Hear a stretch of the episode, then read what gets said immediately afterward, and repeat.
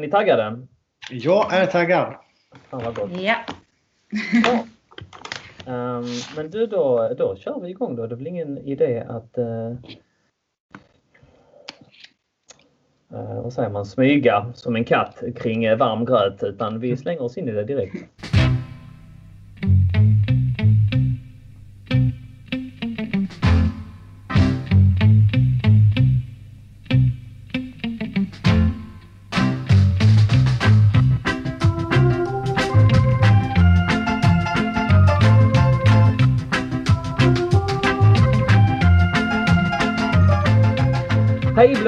Välkomna till ett nytt avsnitt av CSS-podden, den enda svenska Chelsea-podden skapad av och manövrerad av Chelsea Supporter Sweden, den enda officiella svenska Chelsea-supporterföreningen med anknytning till Chelsea FC. Daniel Joanno heter jag, även känd som Donny, din blåa utemöbel på den svenska Chelsea-terrassen. Och där var ännu en vårreferens som Matte Byman, om du inte fattar det. Det var det. Väldigt konstig sådan för en som sitter uppe i Stockholm och tittar ut genom fönstret och det faktiskt snöar. Så att, eh, men eh, det kanske är annat i Skåne.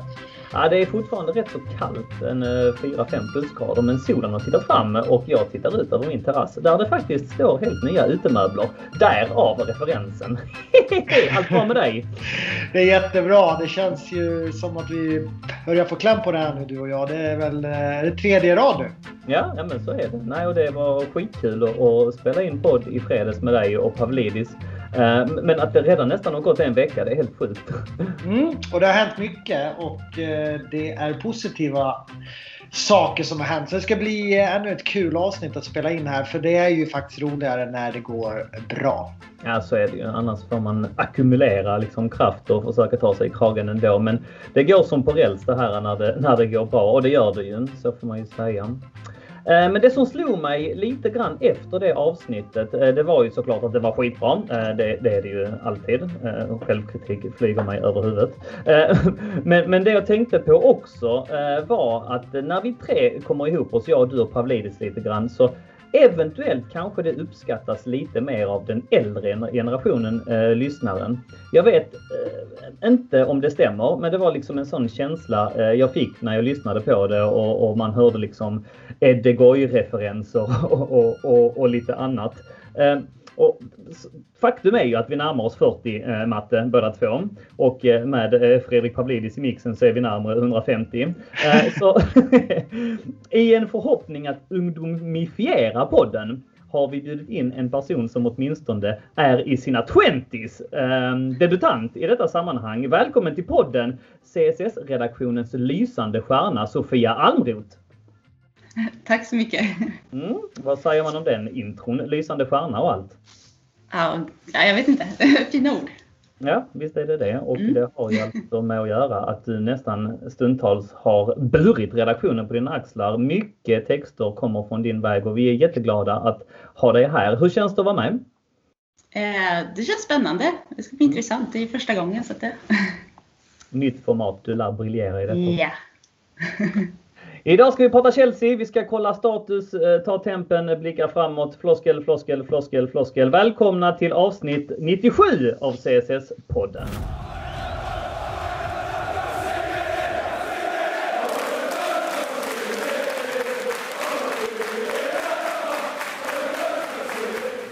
Chelsea under Tuchel utökade den obesegrade trenden till 11 matcher när Everton slogs tillbaka på Stamford Bridge. 2-0 blev den och det borde ha blivit mer, eller hur Matte? Ja, det hade det definitivt kunnat blivit. Vi står ju för en, en riktigt bra insats måste jag säga. Och eh, jag själv var ganska skeptisk när jag såg eh, startelvan eh, i telefonen där. Och att vi roterade så pass kraftigt. Och, Ja, men vi börjar där då. Ehm, Mm. Det, som sagt, som du sa, det presenterades återigen en tämligen oväntad startelva. Fem byten eh, från det där fantastiska laget som vann mot Premier League-mästarna. Kanske det mest noterbara att Mount passerades till bänken. Vad, vad, vad tänkte du när du såg laguppställningen en timme innan match? Nej men som sagt jag blev ganska förvånad och eh, lite orolig att vi skulle rotera bort oss när vi hade en bra chans faktiskt att eh, dra ifrån här. Eh, de, inte dra ifrån men ändå liksom knappa in på de lagen framför och dra ifrån lite grann där bakom eh, från resultaten. Så att det kändes ju som ett väldigt viktig match och speciellt en sexpoängare där mot eh, Everton som, som ligger och skuggar oss bakom. Så en, en riktig sexpoängsmatch som var viktig så att jag tänkte att här får vi nog se starkast möjliga eh, elva men att både rotera Mount och eh, N'Golo Kanté och, och så vidare kändes ju, kändes ju oroligt men eh, Chi fick jag och Chi fick nog många. Jag såg att du också skrev Donny på din Twitter att eh, vet Tuchel vad han gör? Mm, och mm. eh, ja, det, det, visste han ju uppenbarligen vad han gjorde för att jag tycker att det såg precis lika stabilt ut som det har gjort eh, hela tiden sedan, sedan eh, han tog över och eh, nu fick vi faktiskt också se att Kai Havertz kan eh, bli en väldigt bra nummer nio för oss. Jag tyckte att han vi kommer säkert in på honom lite mer men, men stod för en väldigt fin insats. Ja, det gjorde han eh, synnerligen. Eh, vi är kvar i elvan lite grann Sofia. Vad, mm. vad kände du? Ja, alltså. Det, är konst, det känns konstigt att man liksom byter ut vår bästa spelare, Mount, men samtidigt så måste vi ju tänka på att vi inte har honom mot Atletico. Eh, och då är det väl en bra match att mm. prova att rotera bort honom där. Ja, en eh, infallsvinkel jag inte alls eh, tänkte på. Det är klart, det har vi inte och det hade man ju eventuellt fanns det kvar. Han är väldigt planerande, är han inte det Sofia? Just med sina, det känns som att han planerar liksom två, tre, fyra matcher fram när han sätter sina startelvor. Jo, men det håller jag med om. Det känns som att han verkligen har en plan och en tanke med varje elva han tar ut. Eh, och det känns tryggt på något sätt. Även om man roterar väldigt mycket så, så känns det som att han verkligen litar på den elvan han sätter ut. Eh, så jag känner mig trygg med det. Matte, återigen en eh, stabil försvarsinsats, eller hur? Kristensen. Mm. Eh, det, det, kan bli intressant att, se vad som händer när Thiago Silva nu verkar vara fit for fight. Ja men verkligen. Bara tillbaka lite grann till det ni pratade om, det där med rotationen är mm. ju också att han har ju ett lyxproblem nu till Thomas Tuchel att vi har nästan inga skador och vi har en otrolig bredd. Så mm. att, eh, att kunna rotera i det här hårt matchande spelschemat som kommer bli nu med både liga och eh, inhemskt kuppspel och Champions League eh, kommer vara väldigt värdefullt. Eh, att vi faktiskt kan vila Mount och eh, N'Golo Kanté och, och, liknande framöver. Så att eh, det, det, är ju, eh, det är ju en otrolig fördel gentemot de andra nu som också sliter på sina håll. Eh, men till din fråga om Kristensen där. Vi var ju inne och snuddade lite på det förra avsnittet med mm. Pavlidis. Att, eh, det blir otroligt intressant att se hur han ska matcha in Thiago Silva här efter hans skada. Eh, Christensen tror jag blir svår att peta. Jag kan se mig eh, Thiago Silva, Christensen och Aspilicueta tillsammans. Men samtidigt har ju både Rydiger och, och Zuma gjort det bra. Mm. Så att... Eh, ja men det är sunt. Jag tror att eh, för att spela nu varje match och, och sådär så måste man vara, vara på tårna och eh, leverera när man får chansen. Och det är väl så det ska vara i en klubb som Chelsea som vill utmana på alla fronter. Så är det ju och man kan inte ta ifrån att eh, det är bara två stycken insläppta mål på de här inledande 11 matcherna. Ett insläppt mål från en motståndare alltså. Det var ju Minamino, eh, Southampton, annars var det ett Rudiger självmål som har passerat mållinjen från oss också. Eh, första tränaren att, att inte släppa in ett mål på sina första fem hemmamatcher. Men allting han gör faller ju ut rätt Sofia. Alltså roterar han så blir det bra. Eh, gör han eh, kontroversiella byten så blir det bra. Eh, handlar det om tur eller är det här liksom taktisk fingertoppskänsla, briljans? Alltså det är väl både och. Det är klart att man ska ha tur med de spelare man sätter ut, men jag tror ju att han har verkligen en tanke med alla byten han gör och han är noga med att tala om för spelarna vad han vill få ut av dem på plan. Så att eh, gör de inte det de ska så, så får de ju höra det också. Eh, så jag tror att det är en styrka. Absolut. Eh, Matte, tillbaks till startelvan. Någonting annat du höjde på ögonbrynen eh, kring? Nej men såklart att eh, såklart att vi eh, spelade från start med Havertz som jag var mm. inne på lite grann här innan. Att han faktiskt fick chansen nu eh, som han inte har fått under Tuchel tidigare. Eh, har ju varit lite småskadad och, mm. och satt på sidan och sådär. Så man vet ju inte riktigt vart Kai Havertz är i sin formkurva och status som spelare överlag i Chelsea. Mm. Det var ju en otroligt uh, hypad övergång. Och Sen var det väl en okej okay start men sen var det covid och så var det skador och mm. så vidare. Så att han har ju liksom fallit lite i glömska till och med här med tränarbyten och Mason Mount i stor form och sådär. Men det var... Eh, jag personligen har ju inte sett Kai Havertz så mycket i Leverkusen. Eh, inte alls ska sägas. Jag har sett liksom klipp och sådär. Mm. Så att det var intressant att se att han matchades som nummer nio eh, centralt med fria tyglar och inte i den här, eh, som jag vill nu kalla det, Mason Mount-rollen. Eh, lite släpande utan att han faktiskt fick gå som central anfallare. Och, eh, tyckte det var intressant för att Havertz är ju Visst, han är inte jättebiffig men han, han är lång, han är bra på huvudet har visat och han är spelskicklig, kan länka upp med de andra och eh, snabb och så att eh, jag blev väldigt eh, liksom förälskad i den här anfallsformen kan man säga. Jag tyckte att det, det, det liksom anfallsspelet blev på ett helt annat sätt. Eh, mm. På ett väldigt bra sätt måste jag säga. Ja, nej, det, det föll ut eh, väl alltså. De här vågade bytena, om vi ändå står kvar med ena foten i det. Alltså det funkar ju Eh, Eh, när resultaten faller ut rätt. Resultaten styr ju extremt mycket. Om, om vi bollar över den till dig som jag nämnde till Sofia. Hur mycket är detta liksom taktisk briljans och hur mycket är det ren, ren tur? Om vi ska vara lite kritiska i, i hyllningarna. Kollar vi matcherna han har vunnit Tuchel. Jag bara tänker det är så lätt för mig att göra jämförelser med Lampard alltså. Vi, vi, vi pratat om, om detta i podden tidigare. Tottenham-vinsten till exempel. Där har ju Tottenham både Vinicius som har en nick där i slutet som stryker stolpen. Vi har den potentiella Hansen mot United, Callum Hudson-Odoi där och vi har en potentiell hands eh, mot Liverpool. Jag bara får känslan att alla de besluten hade gått emot Frank Lampard. Eh, fattar du vad jag menar då?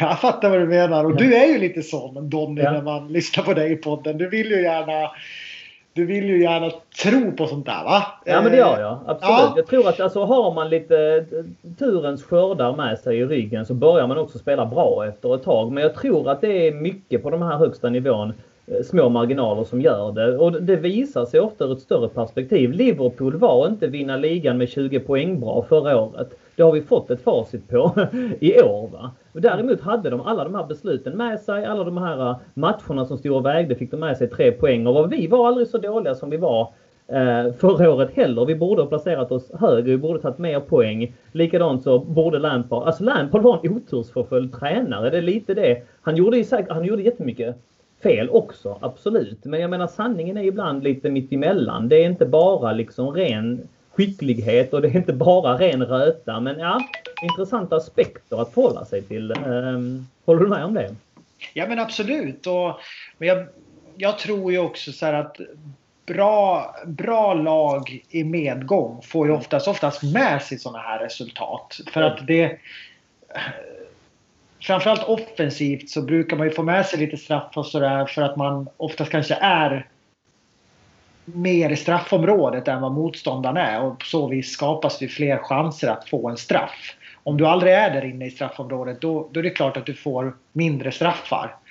Eh, så, så, att eh, jag tycker att eh, Tuchel med ett par undantag eh, i början eh, har ändå visat att det här är någonting nytt och det här är eh, det här är på riktigt. Nu börjar det se väldigt bra ut de senaste matcherna och Everton var ju verkligen ett, ett, ett, ett steg framåt till i, i, offensiven. Defensiven vet vi har funkat men vi var inne lite på att offensiven fortfarande hackar men nu tycker jag att, att det såg bättre ut framåt och då hade vi inte ens våran klart lysande stjärna Mason Mount på, på planen. Så att eh, spännande framöver, helt klart. Bra lag förtjänar eh, tur eh, Sofia. Fantastisk defensiv. Eh, även bra i offensiven säger Matte. Fint tiki-taka-spel, alltså hur man spelar sig igenom situationer mot Liverpool och mot Everton. Ja, bidrar till den diskussionen. Nej, men jag håller väl med Matte där. Det känns som att det är ett lag som är väldigt tryggt mm. på planen och de, är själv, de agerar med självsäkerhet och det är därför de tar sig ur de här eh, de, de tar sig ur situationerna med mm. eh, enkla passningsspel och så. Eh, så det, det känns bra och jag håller som sagt med Matte. Matte gillar säga... Kai Havertz Eller förlåt Matte, tar du vid? Ja, jag ska bara kliva in och säga att, eh, mm. att jag tycker att den här rotationen också.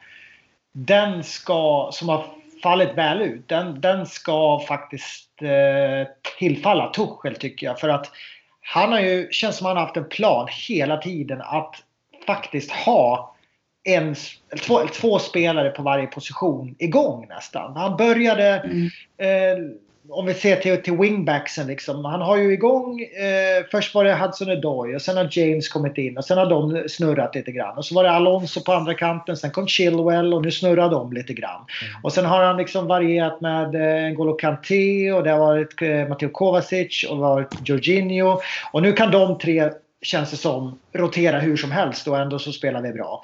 Och så framåt har han snurrat lite grann och sådär. Så det känns som att eh, han verkligen haft en plan hur han ska liksom spela in de här spelarna. Och, eh, och nu är han liksom längst fram där och mixtrar och försöker få in Havertz och mm. hitta en mm. roll för Werner. Så det känns, eh, jag tycker att den ska tillfalla Tuchel absolut. Som verkligen har gett alla chansen. Och som har fått alla att förstå sina roller. Så att vem som än kommer in i det här Chelsea nu gör det ju faktiskt bra. Måste jag mm. säga. Eh, mm.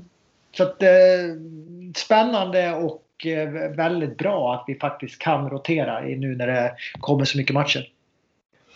Hyllningarna avlöser varandra. Jag håller ju såklart med och det fanns en del att ta vidare eh, och kunna spinna vidare på i din argumentation Matte. Men jag tänker att vi vill stanna lite grann vid Havertz. För första gången eh, så fick ju han de stora rubrikerna efter en match efter sin flytt. Eh, Sofia, Sofia hur bra var han? Eh, jag tyckte han gjorde en väldigt bra match. Han var där han skulle vara och så. Och jag tror att mycket hänger på att han liksom nu har fått tid att anpassa sig till PL eh, och kommit in i ligan. Eh, det har ju varit en ganska svår situation liksom, när han har haft covid och han inte fått ha familj som kommer på besök och så. Men jag tycker att nu känns det som att han har kommit igång och jag hoppas att det, han fortsätter på det sättet. Och angående Tuchel så återigen om vi är fast lite där vid hans fingerspetskänsla, hans, mm. hans förmåga att, rotation, eh, att rotera laget. Eh, hur bra tränare, hur mycket tillfaller honom? Eh, det är klart att mycket tillfaller tränaren. Det gäller ju att, de, att han får spelaren att tro på den spelidén han sätter upp för att de ska göra jobbet på plan. Eh, sen är det fortfarande upp till spelarna som är där ute som ska göra jobbet. Men eh, i det här fallet så tror jag att mycket handlar om att han har fått spelarna att förstå vad det är han vill att de ska göra där ute. Mm-hmm.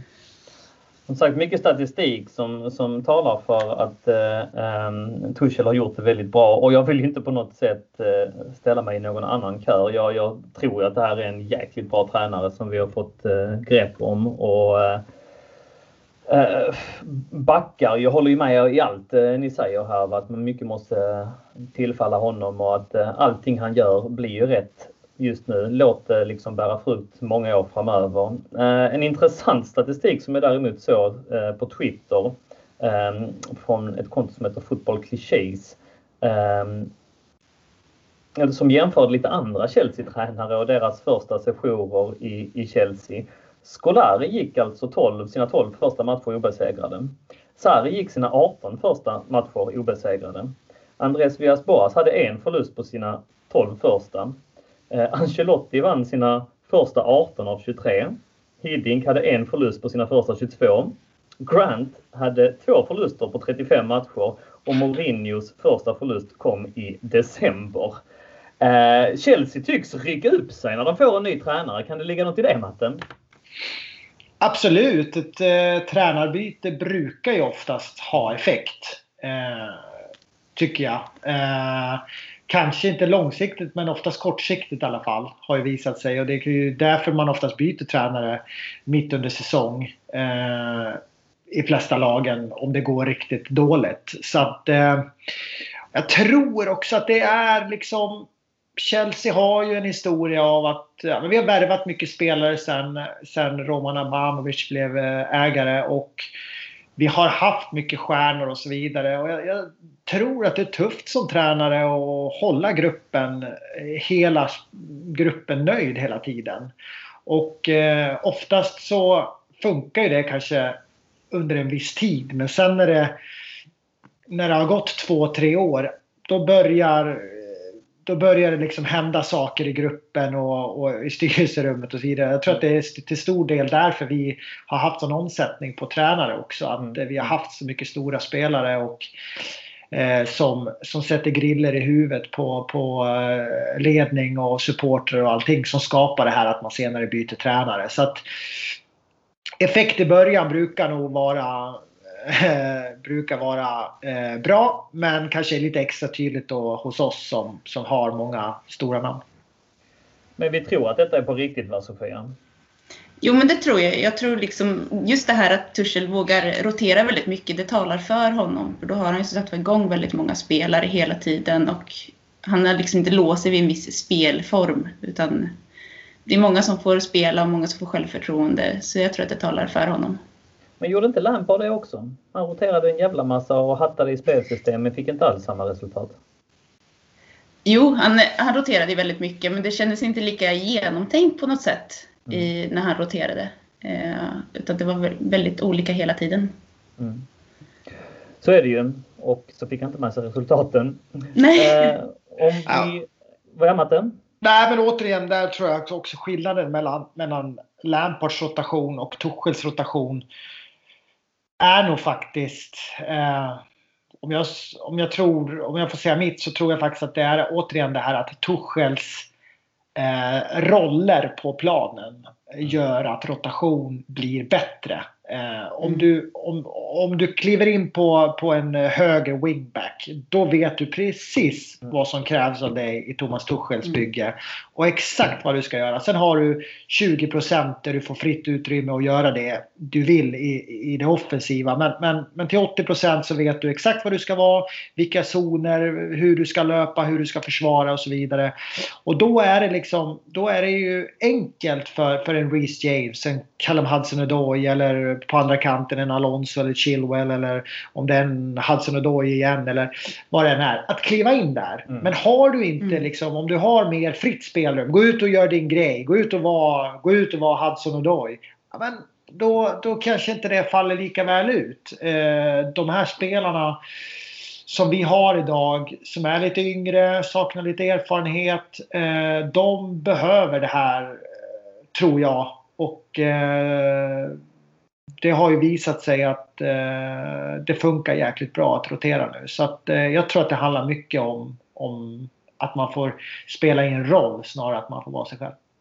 Mm och Lampards eh, rotation i all ära, men eh, visst kändes det ändå som om vi ändå pratar roller och sådär att han också hade sina tydliga favoritspelare som han inte roterade i samma utsträckning. Tuchel är ju, det har vi också snackat om tidigare Matt, att han är inte lika känslomässigt engagerad. Vad är du Mason Mount? Ja men då bänkar vi dig första matchen i min första Chelsea-match eh, som tränare. Nu så stod han över trots att han var liksom vår lysande stjärna mot Liverpool. Och så vidare. Och likadant så kunde ju Lampard ha roller som man, man, kände ju att han hade ju på något sätt bestämt sig för att Aspilicueta höll inte längre. Nu har Aspilicueta nästan spelat varje match medan Lampard hade nästan bestämt sig att han, han kan vara en backup-spelare. Eh, ligger det någonting där också att om man ska rotera och sådär så måste man kanske behandla alla lika och som du säger behandla dem utifrån roller på planen snarare att väva in massa, ah, men jag måste få igång Tammy Abraham. Han, när han varje gång Tammy Abraham spelade så fick ju han nästan 90 minuter och Eh, han kunde ha två, tre, fyra plattmatcher i rad innan Giroud luftades och så fick Giroud då när han väl eh, startade hoppa ut i 64 minuten. Det är lite den argumentationen. Mm, absolut. Eh, jag tror att Frank Lampards historia och välvilja att liksom förädla de här unga talangerna vi har och liksom göra det liksom rätt mot oss supportrar och vinna vinna, liksom, vinna både respekt och, och, och, bli älskad igen som tränare som han var som spelare. Tror jag kan ha hämmat honom lite grann. Han hade det med sig i början när han kom. Men kanske hämmade honom nu under hösten. Och, och som du är lite inne på att eh, här kommer en, en tysk tränare i Tuchel som är liksom, jag inte kalla honom iskall och känslomässigt störd. Men han är ju liksom på... han, han är ju han är liksom en helt annan personlighet. Och han är ju i Chelsea Football Club för att vinna fotbollsmatcher och eh, that's it. Eh, så att ja, ja, han har nog eh, han har ju liksom enklare där att, eh, att plocka spelare eh, lite mer fritt om man säger så. Tuchel tar inga fångar Sofia? Nej, um, det känns ju liksom som att han, han kollar vad är det jag vill ha på den här positionen inför den här eh, matchen och så plockar han den spelaren som har de kvaliteterna. Jag tycker det är ganska... Det känns som en trygghet eller en frihet liksom med att det är inte låst vid en viss spelare där utan det... Ja. Jag vet inte riktigt hur jag ska förklara det. Nej, men det är helt rätt Sofia. Jag tycker så här, det är ja. häftigt också att... Jag tycker det är lite häftigt nu också att vi har fått igång till exempel höger wing, då har vi James och Hudson Doy som erbjuder helt ja. olika saker. Och till mm. vänster är det Alonso och Chilwell som erbjuder helt olika saker. Spelar vi N'Golo Kanté och, och Jorginho, då blir det en sak. Och spelar vi Kovacic och Jorginho så blir det en sak och vice versa. Mm. Och, och, liksom, och det är ju också väldigt spännande och väldigt bra att kunna liksom eh, vara trygg i rotationen men ändå och, och, rollspelet. Men, men de här 20 procenten som jag pratat om som man får, får liksom, eh, kliva ut ur sin zon. Då får man ju helt andra saker av de här spelarna. Så jag, jag, jag, tycker det, jag tycker det är häftigt hur han lyckats med eh, att integrera alla spelare nu. Mm. För mot Everton så var det ju ingen eh, snack om saken överhuvudtaget. Jag menar, eh, det, det, var ju en överkörning. 19-7 i skott 9-1 i skott på mål, 66 mot 34 i bollinnehav, 713 passningar mot 369. Um, ehm, fantastisk prestation igen. Vi vinner matcher som vi är, är värda att vinna så missförstå mig rätt. Det är absolut inte något jag bara argumenterar för argumentationens skull ibland och tycker det är, roligt att vrida och vända på alltihopa. Det får man väl göra i en podd som denna. Um, vi har hyllat um, vi har lyft fram. Finns det någonting negativt att ta ut från matchen? Jag har skrivit två punkter här. Fler mål? Frågetecken. Och James fortfarande lite ur slag. Denna bollar jag över till dig Sofia direkt. Eh, ja, börja med fler alltså, mål? Frågetecken. Fler mål? Jo, alltså vi kommer ju till betydligt mycket fler lägen och borde ju göra fler mål. Mm. Eh, samtidigt så vinner vi ju. Vi klarar oss ju på två mål. Eh, mm. så att, Ja, man kan argumentera liksom för att vi ska få fler. Om vi släpper in ett tidigt mål som i Southampton-matchen till exempel. Då måste ju mm. Werner göra mål på sina chanser. Ja, ja, men det tycker jag absolut att han ska göra. Han är ju inte den vassaste just där framme. Han springer bra och kommer till lägen, men han saknar det liksom extra i avsluten. Mm. Um, så det är klart att hamnar vi i underläge så behöver vi att de kliver fram och gör mål. Uh, och jag hoppas ju att vi faktiskt har den tryggheten i laget nu, att vi faktiskt kan vända ett 1-0 underläge. Eh, och ja, vi behöver jobba mer på att vara mer kliniska i våra avslut. Eh, Självförtroende-grej? Eh, både och. Eh, det är klart att det sitter väldigt mycket i självförtroendet eh, om man som anfallare gör mål och så. Eh, men samtidigt så ja, bara för att det kommer till ett läge så betyder det inte att man ska ta ett avslut. Ibland finns det andra spelare som kanske skulle göra det bättre just i det här läget och så. Eh, så jag skulle säga att det är ganska blandat. Matte? Den punkten, mål? Frågetecken? Ja, klart att eh, Timo Werner skulle ha gjort två mål mot Everton och vi skulle ha vunnit med, med 4-0. Det är ju liksom, han hade ju superlägen. Eh, och det är ju det är konstigt alltså hur han... Eh, jag blev så här... Efter matchen så var jag tvungen att gå in på Youtube och så, så kollade jag på en sån här eh, sammanslagning av alla hans mål i Leipzig. Mm. Mm.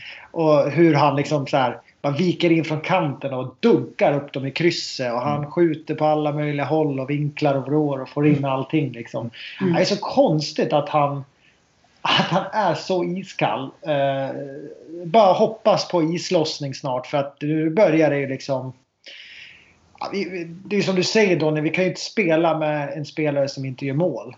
eh, där framme. Eh, samtidigt så, så, är han ju nyttig i sitt spel som jag var inne lite på förra avsnittet mot Liverpool. Att han, han löper rätt, han drar, i, han drar isär försvaret bra tycker jag och kombinerar det bra med Havertz. Och, eh, liksom, spelaren Werner i sig, om man bortser från målproduktionen, är ju, är ju tycker jag eh, väldigt bra just nu. Eh, till skillnad från, från de andra offensiva i Ziyech och Pulisic och, och anfallarna där. Så jag tycker ju Werner fortfarande ska spela men det måste ju snart börja lossna om, om det ska fortsätta. Vi kan ju inte ha en, en anfallare som inte gör mål. Det går inte. Fördelen är att han kommer till chanser, eller hur? Mm. Mm. Ja, men man måste ju komma till lägen för att man ska kunna göra mål. Så är det ju. Eh, och ju fler gånger man kommer till lägen desto större chanser att man gör mål. Så där är det ju positivt. Eh, sen har väl han lite för få bollar som faktiskt går in i mål. Det är väl det som är hans nackdel just nu då. Eh, man kommer undan med det. Alltså, man kan ta hur många avslut som helst om, om man faktiskt gör mål då och då. Men just nu så kommer han bara till lägen utan att få in några bollar och då blir det att man ifrågasätter det mm. mer. Ja, jag får hoppas att det lossnar snart för Werner. Eh, nästa punkt som sagt eh, i den negativa vågskålen. Jag vill ha mer av Reece James. Alltså jag tycker att det har hänt någonting med honom på sista tiden. Han tittar nästan aldrig uppåt i banan utan han passar alltid hemåt. Han tar inte eh, riktigt löpningar längs kanten som han gjorde tidigare. Han kommer till färre inläggslägen. Han bidrar mindre i offensiven. Det känns som att han inte riktigt vågar. Matte, ligger det något i det? Absolut, jag är enig med dig och eh, det har ju varit lite grann samma sak med Chilwell på andra kanten mm. när han väl har mm. fått chans. Att, eh, och, och, jag tror vi snuddade lite på det förra avsnittet eller om det var för två avsnitt sedan. Att jag, jag tror liksom att eh, när Tuchel kom in då var det ju James och Chilwell som blev liksom åsidosatta och bänkade. Mm. Mm. Eh, och jag tror att de kanske de hade varit så otroligt givna under Frank Lampard. Och sen när Tuchel kom så, så var det bänk några matcher och, och, och självförtroendet fick sig såklart en turn och det kanske ställdes lite frågetecken i, i Reece James skalle liksom om vad händer nu med mig och, och, och, så vidare. Och samma sak med Chilwell att åh, jag signade för Chelsea, jag signade för ja. Frank Lampards Chelsea. Vad, vad händer med mig nu? Har jag gjort ett, har jag gjort ett eh, fel val i att gå till Chelsea och så vidare. Eh, men sen har man ju liksom, de har ju knutit näven och kommit tillbaka. Så eh, de är ju minst lika givna som Hudson Odoi och Alonso har varit på de där. Så de roterar ju nu. Och jag, jag, jag tror att det är en självförtroende grej och att de behöver liksom bli mer...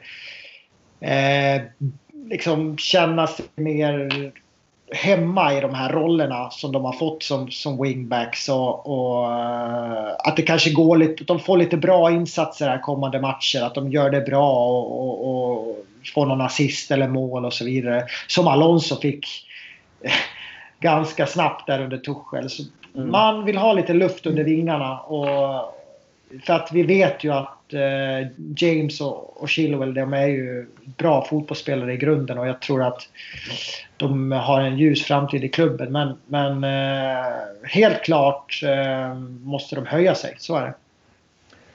Jag älskar Rhys James Sofia, men alltså jag, jag blev så imponerad när jag såg honom liksom eh, explodera in på scenen eh, efter allt man hade hört om hans tid i ungdomslagen efter hans utlåning i, i Wigan där han blev tokhyllad. Men har inte riktigt sett detta de senaste matcherna av honom. Är vi för kritiska nu jag och Matte eller ligger det någonting i det? Kritiska vet jag inte men det känns liksom som att han inte riktigt vet hur, hur han ska vara i position. För jag tänker mig, Tuchel har ju väldigt tydliga mallar på hur han vill att sina spelare ska spela. Mm. Och eh, kliver du då upp ett ett steg liksom i plan som wingback istället för ytterback så, så har du högre utgångsposition. Det blir mycket mer offensiv position och det kan göra väldigt mycket bara de där extra meterna som du får. Jag upplever att om man kollar på James när han spelar så tänker han ganska mycket. Eh, framförallt när han ska framåt. Eh, man ser nästan hur kugghjulen maler in i huvudet på dem. Mm. Eh, så att, eh, jag tror att det ligger lite där. Mm.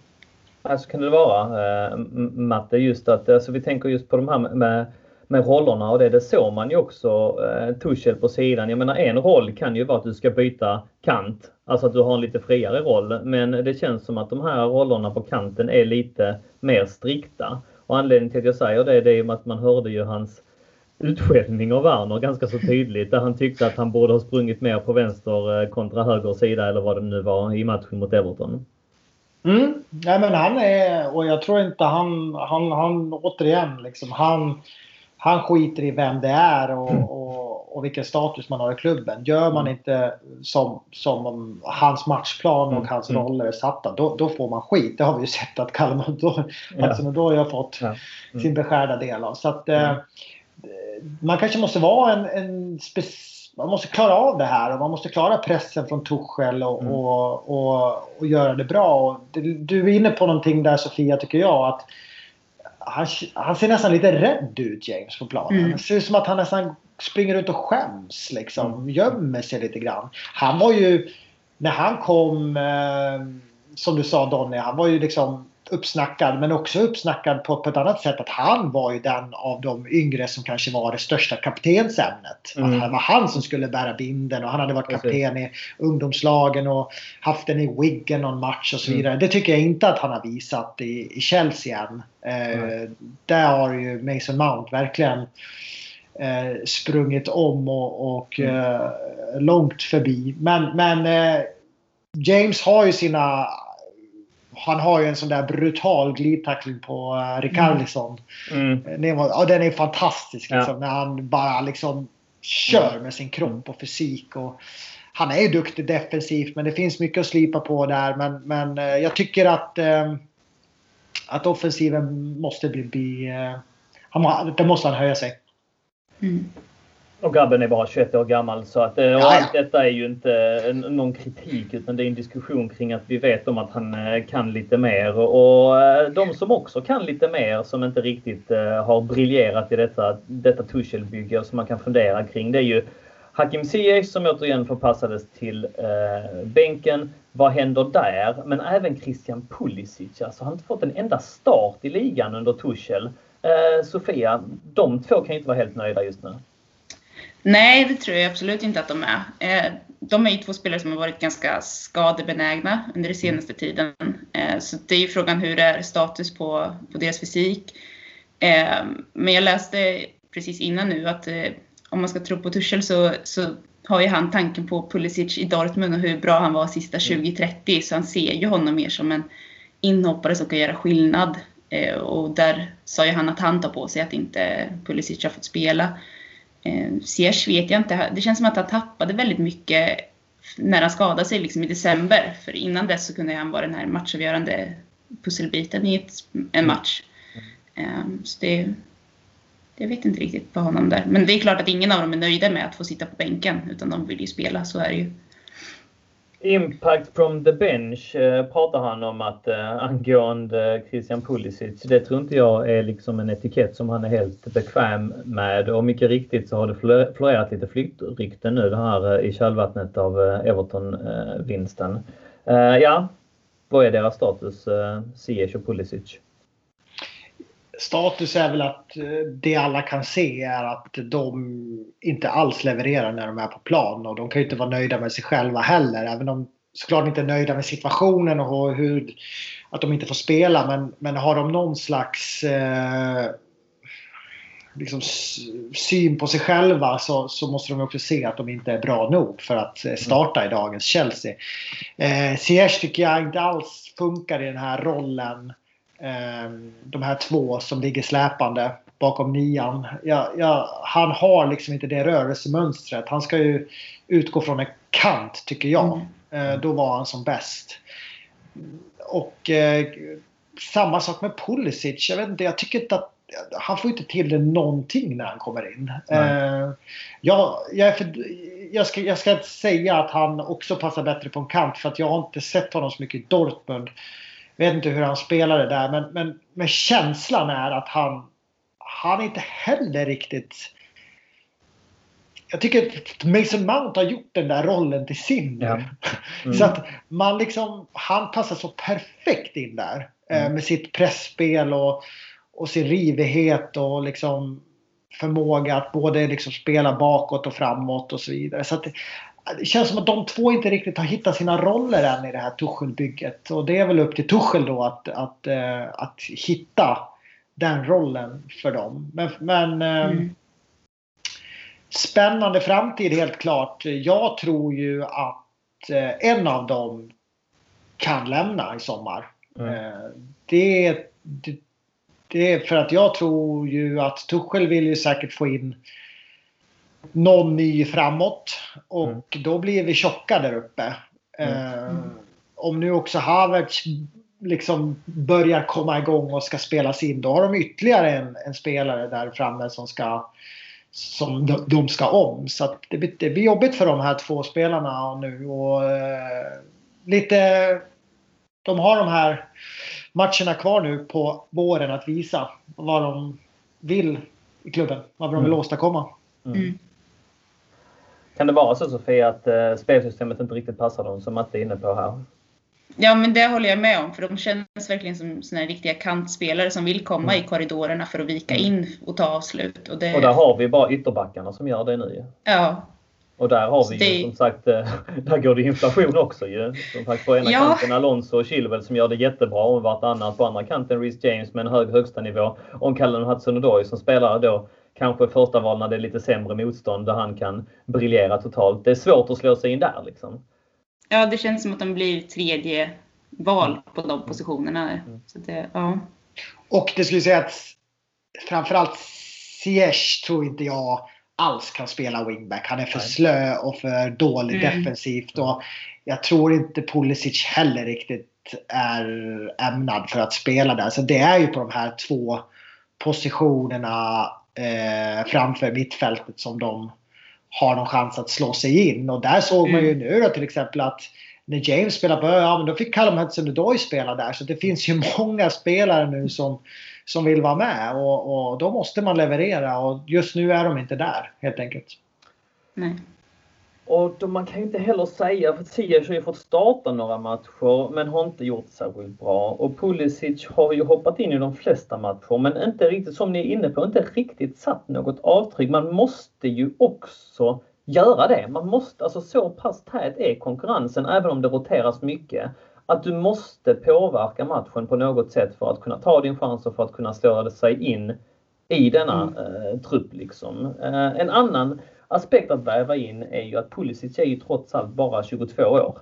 Um, och uh, ja, har ju ett relativt nytt kontrakt och borde kunna ses som en framtida investering. Um, och förutsatt att Tuchel kanske hittar en roll och att han kan anpassa sig så kan väl, jag skriver väl inte av Pulisic för all framtid. Jag hoppas han har eh, knuten näve i fickan och kan verkligen eh, ja, steppa upp och, och, och, och bli en bra Chelsea-spelare på längre sikt. I Hakim Ziyechs fall så är ju han 28 år. Så att det är en mm. aspekt att väva in i sammanhanget också.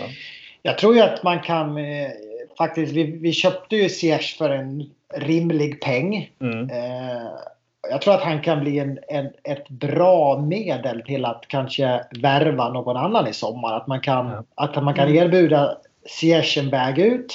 Mm eh, som både gynnar klubben och honom själv och kanske i motsatt håll få, få en spelare som vill ha. Jag tänker på, det är ju både rykten om eh, alltså Donnarumma i Milan, ny mm. målvakt. Eh, väldigt mycket rykten i italiensk press om det. Eh, kanske liksom använda sig av Tomori som är där och Ziyech för att kunna mm. hitta någon där. Eller då Håland som man kan använda. Kanske Ziyech kan gå till Dortmund eller liknande. Eh, vi får väl se helt enkelt. Men, men eh, han känns ju inte som att han har blivit Chelsea överhuvudtaget. Och, och med tanke på hans ålder så känner han att det inte funkar och att han ingår i Tuchels planer så tror jag inte han har någonting emot att flytta i sommar. Ja, högt och lågt och lite silly season får ni här från CSS-podden också. Som sig bör, det vet vi att eh, en hel del av er där ute eh, tycker är lite sant att eh, grotta vidare i. Diskutera gärna! Ehm, det kommer som sagt upp en tråd under detta avsnitt på CSS-podden-gruppen på Facebook. Så fortsätt gärna eh, diskussionen där. Innan vi knyter ihop Everton-säcken, Chelsea status just nu och så vidare. Har ni någonting att tillägga, Sofia? Nej, jag tycker väl att vi har sagt det mesta just nu. Det, det var en väldigt bra match av laget. Det var en riktig laginsats. Båda gott Matte, riktig laginsats, eller hur? Någonting att tillägga innan vi går vidare? Mm, bara det sista. Jag tänkte bara ta en punkt som jag har skrivit ner och det är att jag tycker att vi har blivit mycket sämre på fasta situationer sen eh, Thiago Silva Mm. och Kurt Zuma inte är lika frekventa i startelvan. Vi var ju otroligt starka på hörnor eh, under hösten när Lampard eh, styrde skutan och Mm. Zuma och Silva gjorde ju en hel del mål och Mm. eh, det var ju liksom tillbaks på fornstora dagar när vi hade Ivanovic och Terry Ja. och Cahill där. Och Det är ju ett vapen man, Mm. man inte ska liksom vifta bort. Det är ju grymt bra att vara bra på offensiva hörnor. Eh, Mm. Och där är vi ju... Jag tycker vi spelar väl. Jag stör mig på dessa korta hörnor som börjat bli frekventa. Och det är några varianter vi försöker liksom. Okej att man gör det en gång per match. Mm. Eller, Mm. men att hålla på med de här liksom fyra, fem gånger och det leder inte till någonting. Snarare att det blir kontringar mot oss när vi håller på och Mm. pillar. Nej, in med bollen eh, i straffområde och pang ska det säga. Men där är vi liksom svaga nu för Christensen är ju Christensen är- har ju varit jättebra men han är ju han är svag på huvudet. Och eh, Rydiger ska väl vara okej på huvudet men han har ju inte visat sig kunna nicka. Så att det, det tycker jag vi kan ta med oss. Att vi, att vi har faktiskt under Tuchel har blivit svagare på, på fasta. Det håller jag med om. Ja precis. Och, och, och, alltså, en av de grejerna som du är inne på där är ju att eh, Zuma har startat mindre matcher. Han gjorde i princip alla våra mål och, och eh, var ett hot på, på fasta situationer. Och nu här mot Everton fick vi en hörna som resulterade i en nick på mål. Då var det ju Zuma igen som, Mm. som stod för den.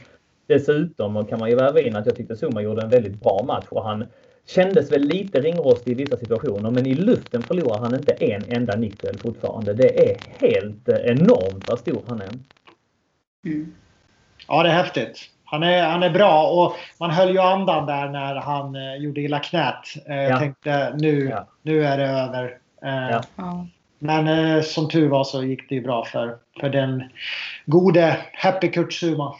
Han har att välja på i försvaret, eh, Tuchel alltså. Intressant hur vi kan prata i så positiva ordalag om detta lag som bara för två månader sedan eh, behövdes investeras i och inte levererade och helt plötsligt så snackar liksom experterna om att ja men med en sån fantastisk trupp så är det väl klart att man får ut resultat. Ja, vad vindarna kan vända.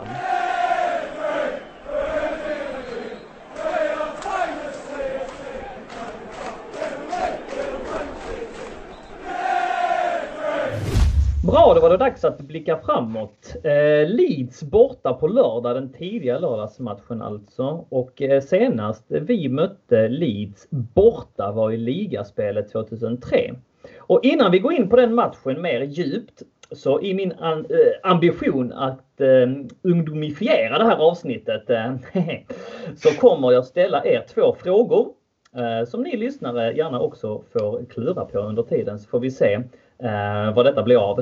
Eh, den ena tar jag avstamp från en fun fact som jag snubblade över i researchen till detta avsnitt. Eh, och den kommer här.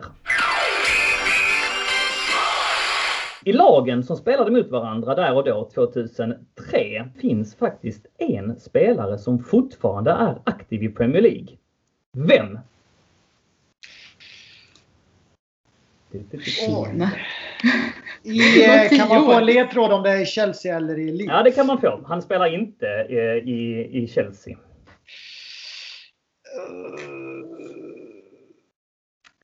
En spelare alltså. Jag kan säga att han var 16 år då. Det är James Milner. Ja, det är James Miller Matte! Snyggt! Bra! Den satt där den skulle. Den tog du. Får vi se när ni andra tog det här i CSS-podden-gruppen. Eh, om ni kunde den direkt eller om det satt långt inne. Men det var snyggt Matte. Det är helt rätt. James Milner eh, spelade från start faktiskt och blev utbytt. Och här kommer den andra frågan. Eh, I lagen som startade så vill jag att ni nämner tre stycken spelare. Den, alltså det är först till tre och jag hoppas att ni inte har hunnit googla fram den. Men nämn en, du kan börja med dig Sofia, en startspelare i Chelseas lag. Uh, Terry. Terry var med, 1-0 till Sofia. Matte, snabba ryck. Lampard. Lampard var med, 1-1. Uh, tjena, nej du, nu blev det jättestillestånd. Jag hade också tänkt säga Lampard. Mm, uh, pass på den då, eller? Ja. ja. Matte? Jag vet att uh, Gudjonsen gjorde mål. Nej, det vet du inte alls det, för det gjorde han inte. Men han spelar? Det gjorde han inte det heller. Han var eventuellt på bänken, men han blev inte inbytt. Äh, på fel match då? Ja, ja kanske det. Ja, du tänker på bicykletan, eller hur? Ja, det var ja. ett år innan. Det var väl på Stamford Bridge? Nej, det var nog borta. Ja, det minns jag inte och har inte tid att googla. Ja, jag är så dålig på det på att minnas matcher och år. Men, men... Nämn en spelare från truppen 2003-2004. Ja men gud, alltså jag är, jag var, jag var jätteliten då. Jag hade ingen koll på Chelsea. Järnhettan. ja. Matte, har du någon till gissning? Ja, då säger jag William Gallas. William Gallas spelade och där sätter vi alltså punkt. 2-1 i matte löste vi detta med alltså. Jag kan nämna hela laguppställningen. Nej, det är inte lätt Sofia. Vad, du måste ju ha varit... Uh, ja. Jag var 10 år. 10 år. och, jag, och jag ska säga att jag är ju liksom i min prime här. Det är ju här jag liksom... Samma här, samma här. Det här är ett lag som man eh, aktade högt alltså. Kudicini ja. i mål startar man med. Mario Melchot på högerbacken. Uh, Wayne Bridge på vänsterbacken och Gallas och Terry i mittlåset. På mittfältet hade vi Damien Duff, Claude Makalele, Frank Lampard och Joe Cole som blev utbytt i paus. Um, och uh, på anfallet hade vi Adrian Muto och Jimmy Floyd Hasselbank. Målskytt var Damien Duff. Matchen slutade 1-1 och ah, laget tränades av Claudio Ranieri. Inbytta spelare den matchen var Herman Crespo och Jesper Grönschar. Där har vi det. Med det Matte så lämnar jag över ordet till dig lite grann. Vad har du för status på Leeds inför detta möte? Ja, status är, är ju den att jag har inga bra minnen av Leeds. För sist så var ju du och jag där faktiskt, Donny. Och kollade på fa Cup-mötet och jag missade ju första kvarten där. Ja, du var så jävla risig. Ja. Jag käkade någon dålig paj där innan matchen och satte på muggen den första kvarten. ja, det var, det var inga roliga minnen, men ja, sen blev det ju bra. Jag kommer ihåg, jag, jag fick liksom hålla i dig. Vi stod ju bredvid varandra. ja. ja. jag var riktigt dålig, men, men det var ju en, en av de häftigaste upplevelserna man har haft ändå. Det var ruggigt bra tryck på, på Allen Road och, och uh, sång och, och, och, bra match. Så att uh, Leeds är ju en sån där klubb som man uh, tyckte riktigt illa om under den tiden som vi pratade om, de där matcherna på tidigt 2000-tal. Så att eh, för en eh, egen liksom del så, så håller jag ju matcherna mot Leeds väldigt högt och jag är ganska glad att, att de matcherna är tillbaks. För att man vill ju ändå ha de här heta rivaliserande fighterna, eller hur Donny? Ja, 100 procent. Eh, mm. Så är det ju. Och detta Leeds-lag som vi ställs inför på, på lördag har ju blandat och gett minst sagt. Mm. Senast en förlust, men de kan ju också eh, ackumulera kraft och stå för fantastiska kämpainsatser. Vad, vad tror du om lördagens match? Ja, men eh, jag har ju eh, sammanställt lite här om Leeds. Jag tänkte att ni ska få en, en kort liten story, ni som inte hänger med fullt ut där hemma i sofforna. Och det är så som Donny sa, de fyra senaste så var det då torsk mot eh, Wolves. Eh, vinst mot Southampton, torsk Villa och torsk West Ham nu senast med 2-0. Eh, senaste matchen var det två bortdömda mål på VAR efter bara några minuter men eh, de missade väldigt mycket och släppte in väldigt billiga mål eh, bakåt. Och det är ju, det är ju Leeds. Om det funkar framåt så kan det bli mycket mål men det är också väldigt svajigt bakåt. De parkerar på en eh, elfte plats i ligan efter 27 spelade. De har 11 vinster, 2 kryss bara och 14 förluster. Det som är lite anmärkningsvärt. Lite signifikant för dem, eller hur? Att, att ja, de blandar och ger högt och lågt. Vinner mycket, förlorar mycket och så vidare. Mm. Och, och, eh, en annan grej som jag tyckte var intressant liksom, när man började grotta lite grann. Det var ju att eh, de har 43-46 i målskillnad. Om man jämför det då till exempel med Arsenal och Villa som ligger precis ovanför i tabellen på tionde och nionde plats. Så har de släppt in 28 respektive 27 mål och vi har ju släppt in Eh, 25. Så de släpper ju in otroligt mycket mål för att vara ett lag som eh, ligger på elfte plats. Men det som också är intressant är att de har gjort 43. Och jämför man då med de två lagen framför i Aston Villa och Arsenal igen så har de gjort 35 respektive 38. Så, så Leeds liksom de, de, de, är ju svaja. De gör mycket mål framåt men släpper också in otroligt mycket bakåt. Mm. Så att uh, myten om uh, Leeds är liksom rock'n'roll och uh, fram och tillbaks den stämmer ju faktiskt. Och, mm. uh, det såg vi ju inte minst när vi spelade mot dem på på Stafford Bridge senast. Eh, då blev det 3-1. Eh, deras notoriska målskytt och eh, gamla Chelsea-bekantingen Bamford gjorde mål efter fyra minuter. Men sen så följde vi upp det med Giroud, Zuma och Pulisic som målskyttar. Och som vi var inne på alldeles nyss här, Zuma mål på hörna. Mm, just det. Just det.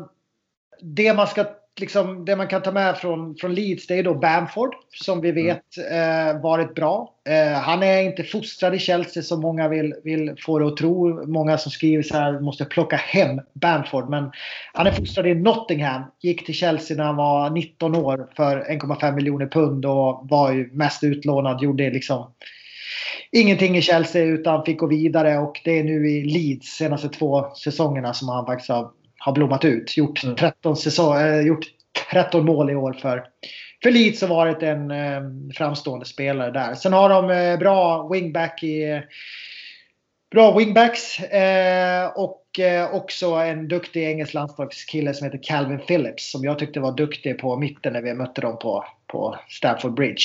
Mm. Och det sista man kan ta med sig är att jag tror att, sen får ni fylla på här, men jag tror att det här laget ska passa oss väldigt bra även under Tuchel. Det är ju det är liksom argentinskt eh, rock'n'roll mm. mot Thomas Tuchels disciplin. Och kunde vi spela oss ur Liverpools press som vi gjorde så bra på Anfield så, så vet vi att Leeds pressar ju lika mycket högt dem. Och, och, och, och, om vi klarar av att spela oss ur den här pressen så, så vet vi att det kommer finnas otroligt mycket ytor och lägen för oss där framme. Så att mm. jag säger läge för Werner på snabba omställningar och eh, kanske får han en rejäl islossning nu på, på Allen Road. Sofia, något att tillägga i den argumentationen? Vi fick allt på ett bräde där av Matte, eller hur? ja, jag tycker att den sa det väldigt bra. Jag tänker att det finns även en chans för eh, Pulisic att komma in och använda sin speed eh, i det här läget. Med tanke på alla ytor som kommer finnas där bakom.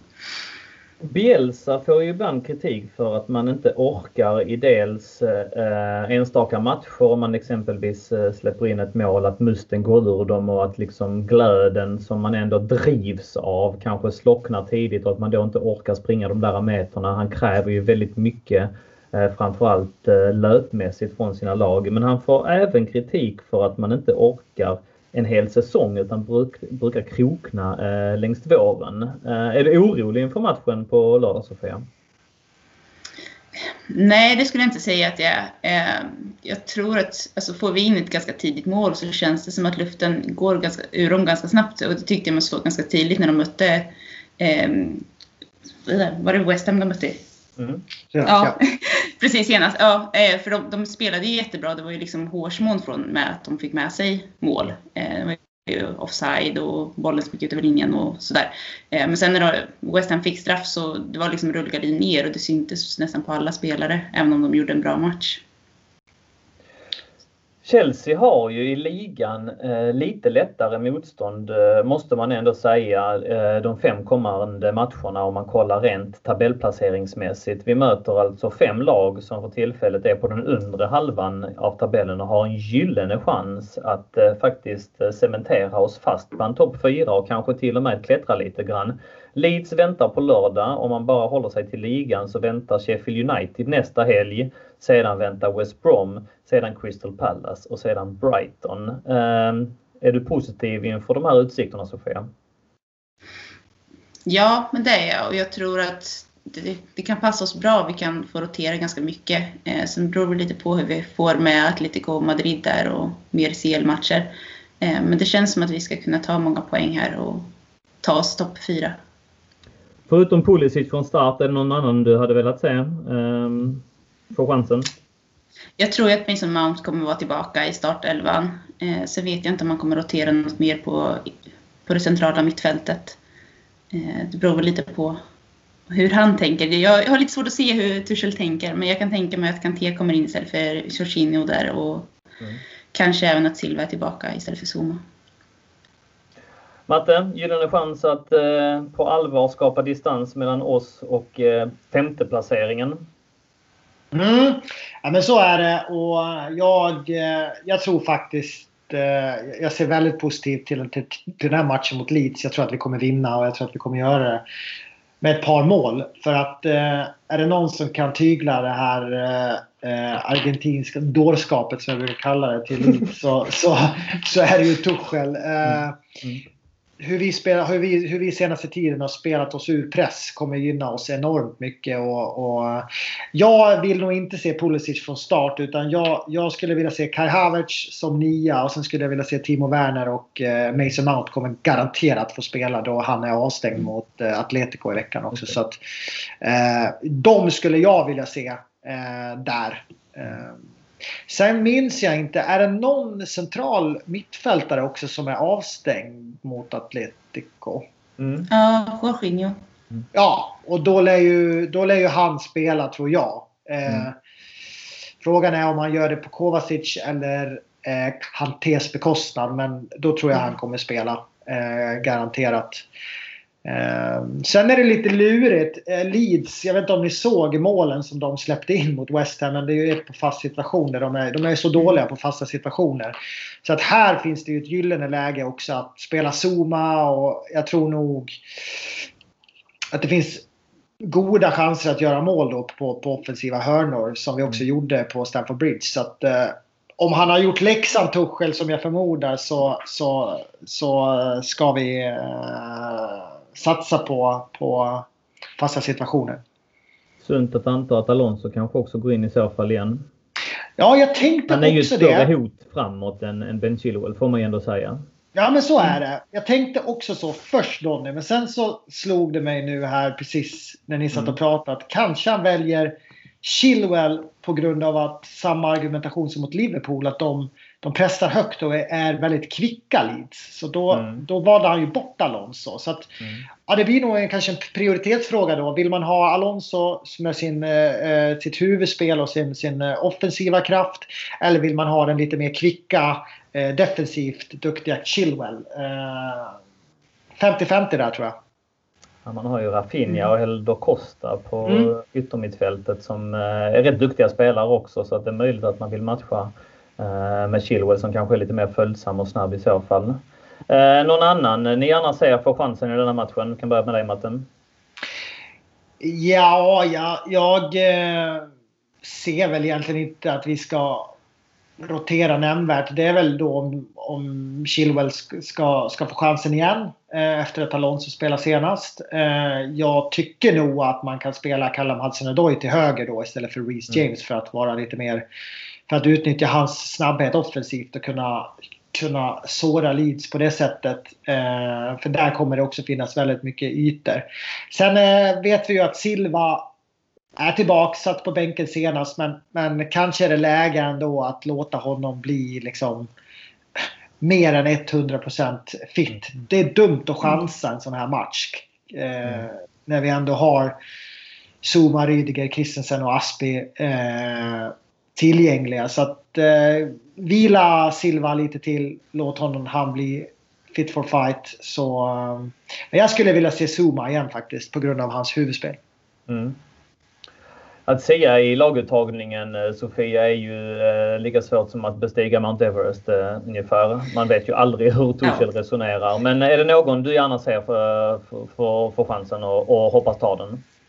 Nej, men om man fortsätter spinna vidare på Mattes där att spela Chilwell på vänsterbacken eller wingbacken mm. så tror jag att man kan istället för James ha eh, Callum Hudson-Doy där. Eh, just för att inte bli så baktunga utan få mer offensivt. Mm. Mm intressant att man bara eh, att man har omfamnat honom som, eh, som en ytterback också. Ja, det blir spännande.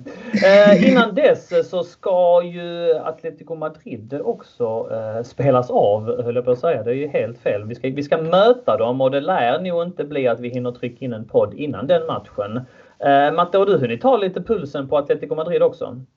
Lite puls har jag gjort. Jag tog ju en ganska eh, tydlig puls eh, för två avsnitt sedan mm. med Simors expert Adam Pintorp där. Men jag har faktiskt surrat lite grann med honom eh, igår eh, när vi sågs på en fotbollsträning. Och eh, sen så gjorde jag lite research här nu. Bara kort och gott så har ju de hunnit med att eh, spela mot Villarreal och mot Real Madrid. Så de har två matcher i ryggsäcken sen de mötte oss. Och de vann mot Villarreal med 2-0 eh, efter torsken mot oss. Ehm, och eh, då var det ju inte speciellt bra ska sägas. De förlorade liksom med 19-6 i skott mot Villarreal och eh, vann på ett självmål och sen en mål av Jao Felix. Men de hade sämre bollinnehav, 36 procent och inte alls likt vad de har gjort tidigare i La Liga förlorade bland annat hörnor med 10-2. Så att, eh, ni förstår ju. Visst, de vann med 2-0 men det var ingen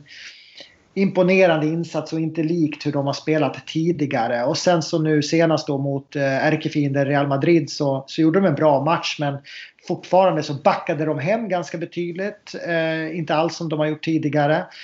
Eh, vann inte bollinnehavet heller utan eh, stannade på 39 procent och hade nästan en tredjedel mindre passningar slagna över hela fotbollsplanen då än, än Real. Så att det är ett litet skakigt Atletico vi ser. Eh, inte alls det offensiva lag som, som har charmat hela La Liga här under säsongen. Nu fick de visserligen igång Suarez igen med ett mål mot Real Madrid. Men, men, men eh, det är ett lag som inte är i form och som inte spelar som de brukar. Så att eh, vi har slagläge fortsatt skulle jag säga. Vinner vi mot Atletico Madrid på onsdag Sofia jag hoppas ju att vi får en lika bra match, att vi vinner med 1-0 eller 2-0. Men eh, oavsett vad så är det ju de som måste kliva uppåt. Så att, eh, jag tror på att vi kommer gå segrande ur duellen. Tror de gör det eller kan man räkna med att de ställer upp med eh, sex i försvaret igen? Alltså det är ju ett defensivt inriktat lag. Det vet vi mm. om att de bygger bakifrån och att de inte är jättebekväma med att eh, föra bollinnehavet och så vidare utan att man gärna eh, slår på kontringar och, och så. Kan vi förvänta oss en liknande matchbild eller kommer han ruska till det? Simeone?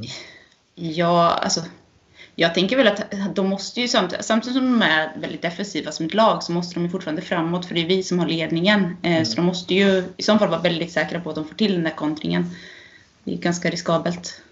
Mm. Vinner vi matten? Ja, men jag, tror, jag tror vi klarar oss i alla fall. Det som är så positivt när vi vann senast så, så klarar vi oss faktiskt på ett kryss också. Så att om, mm. eh, om Atletico eh, bestämmer sig för att spela så här defensivt som man har gjort.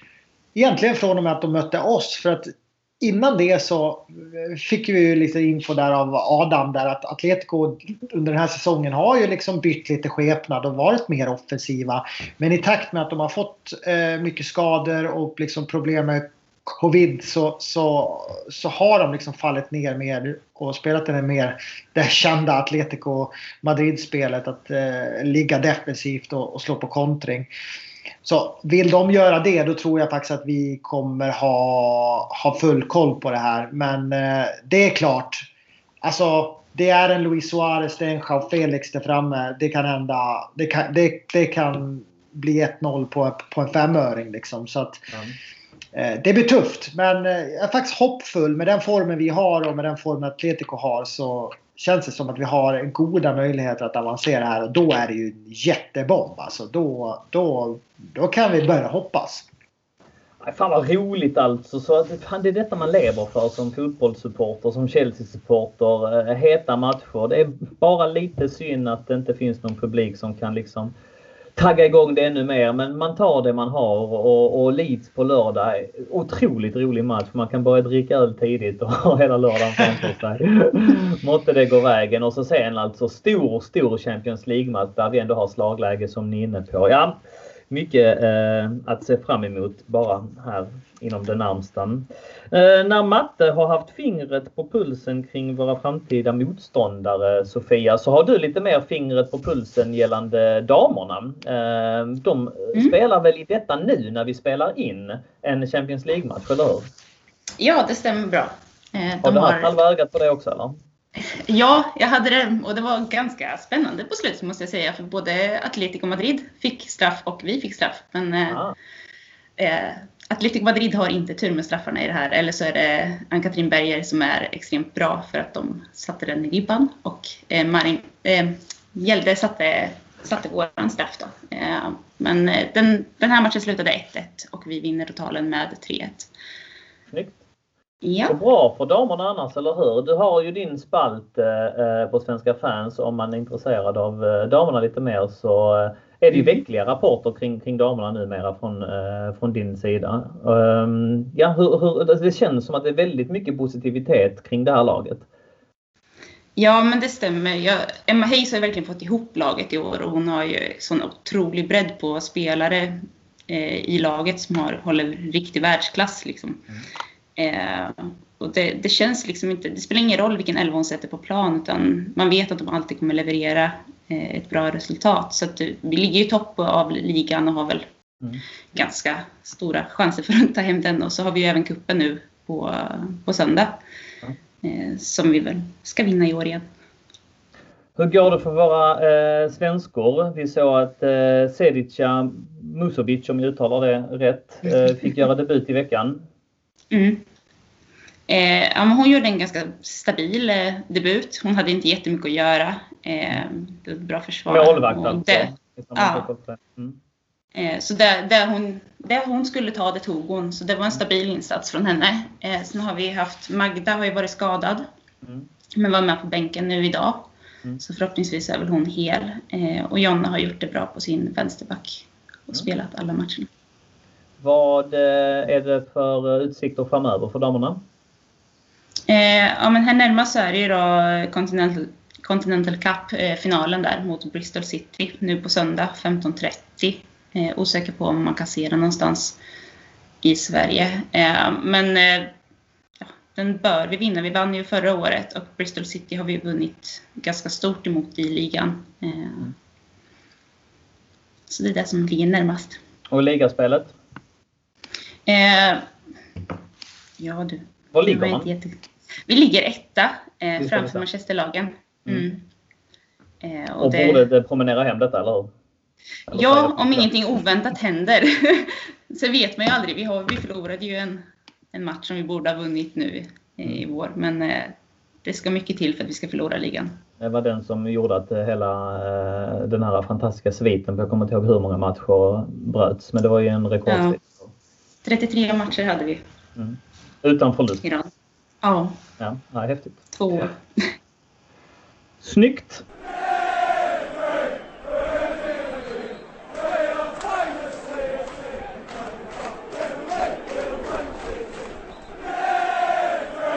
Med eh, det så ehm, börjar vi runda av. Jag vill avslutningsvis påminna alla att följa oss på sociala medier. Det är ju supporterföreningen Chelsea Supporter Sweden som står bakom podden och man behöver inte vara medlem för att ta del av vårt ideella arbete. Men vill man stötta på ett enkelt sätt så kan man göra det genom att som sagt följa, följa oss på sociala medier. På Instagram heter vi at Chelsea Sweden official och på Twitter heter vi at Chelsea Sweden. Så in och följ oss redan idag vet jag om du inte redan gör det. Jag heter att Daniel Joanno på Twitter om man skulle vilja följa mig och Mattias heter att Hundsur. Och Sofia heter att Almrot Sofia. Om man vill så får man såklart gärna följa oss också. Men eh, stötta föreningen först och främst.